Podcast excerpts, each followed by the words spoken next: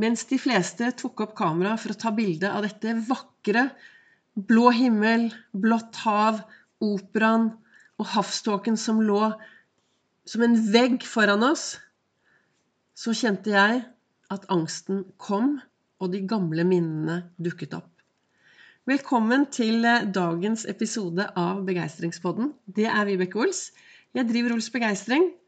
Farverik foredragsholder, mentaltrener, kaller meg begeistringstrener og brenner etter å få flere til å tørre å være stjerne i eget liv. 1. mai så begynte jeg med daglige episoder av min eh, begeistringspodkast. Og hvorfor gjør jeg det? Jo, for jeg ønsker å inspirere folk til da å være stjerne i eget liv. Og jeg snakker om det som skjer i livet mitt, uten å bli for eh, detaljert, så snakker jeg om verktøyet og det jeg bruker i mitt eget liv for å få flere gode og meningsfylte dager. Og meningsfylte dager er jo de dagene hvor du tør å være sårbar, tør å være forelsket, tør å kjenne på alle følelsene, tørre å be om hjelp, tørre å være deg selv 100 Ved siden av å jobbe, i, eh, jobbe som begeistringstrener, så jobber jeg i SAS og har jobbet 3.11. har jeg jobbet 36 år i SAS. Først på Fornebu, og så på Gardermoen. I går Jeg jobber jo annenhver helg der oppe, og i går så var jeg på jobb. Jeg er sånn som eh, Jeg trenger litt frisk luft hver dag. Jeg liker å bevege meg. Jeg blir glad av det. Så når jeg skulle på jobb i går, så hoppet jeg av T-trikken to stasjoner før for å få meg en rusletur på vei til Flytoget. Og kommer ut til operaen, og det er altså så vakkert. Det er blå, knallblå himmel. Vannet er helt stille. Det er vel en nesten ti varmegrader. Det er, det er, så vakkert. Og så er det en sånn havståke som er på vei utover, som du bare ser ligger der som en sånn vegg. Og i utgang, Jeg tok noen bilder, og det er skikkelig vakkert. Men for meg så vekket dette en del minner.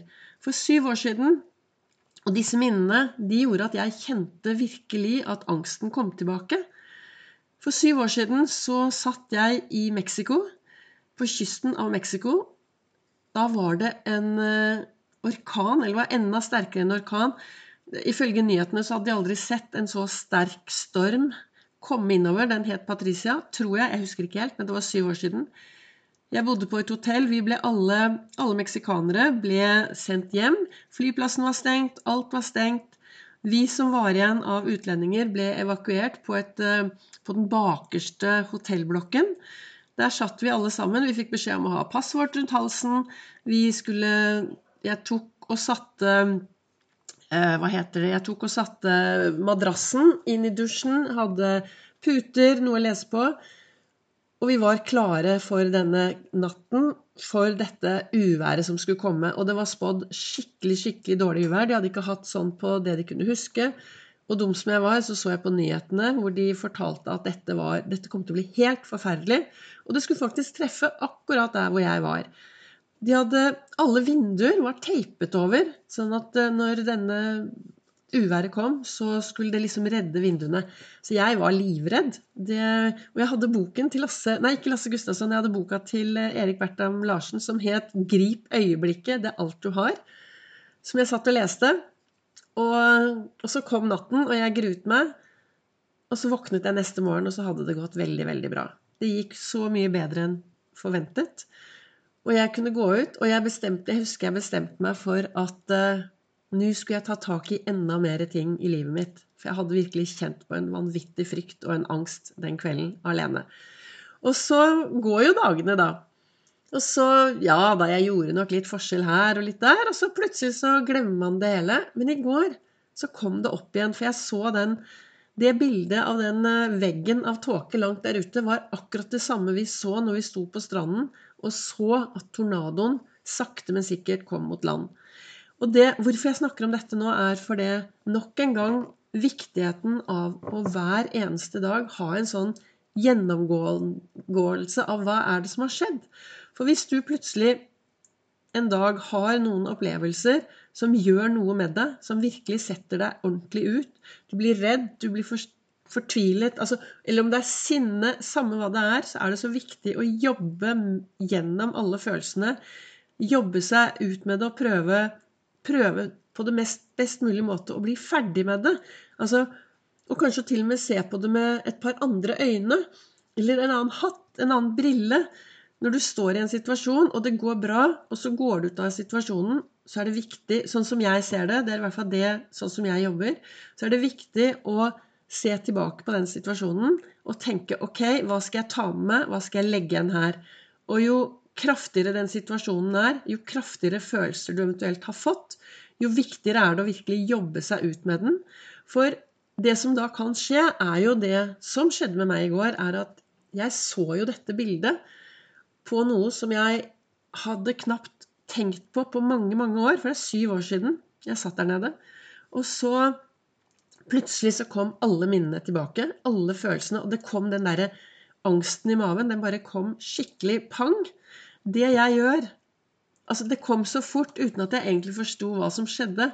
Og jeg er jo sånn at når jeg får mye følelser Jeg mener at følelsene mine kommer fra tankene mine.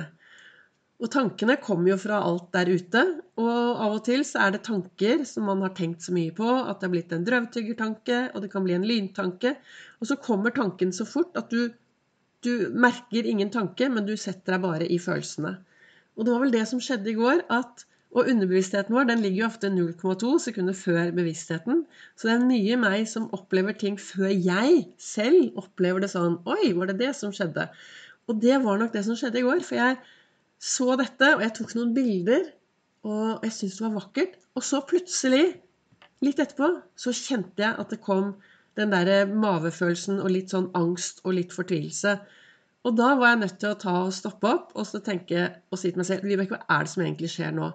Og så husket jeg jo, akkurat det bildet det minnet meg på det jeg opplevde i Mexico for syv år siden.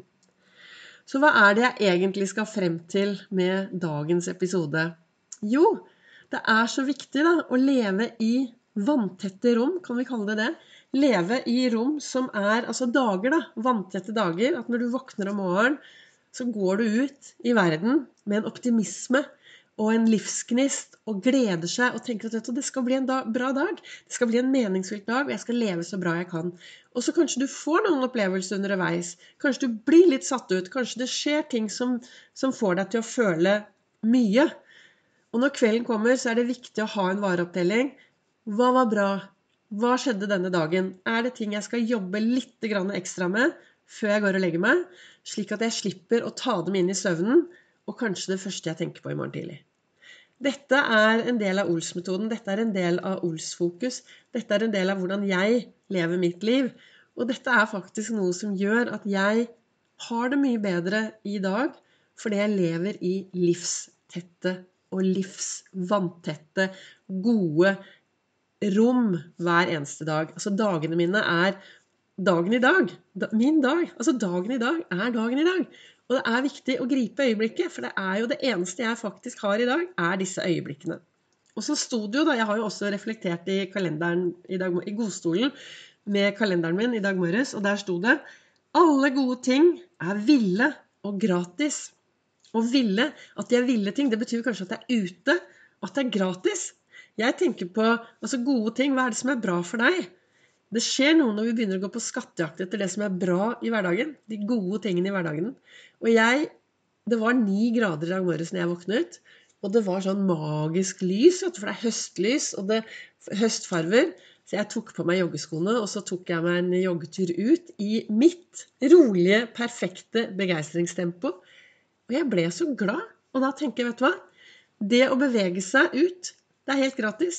Vi er så heldige i dette landet. Vi har frisk luft, og vi har muligheter til å bevege oss.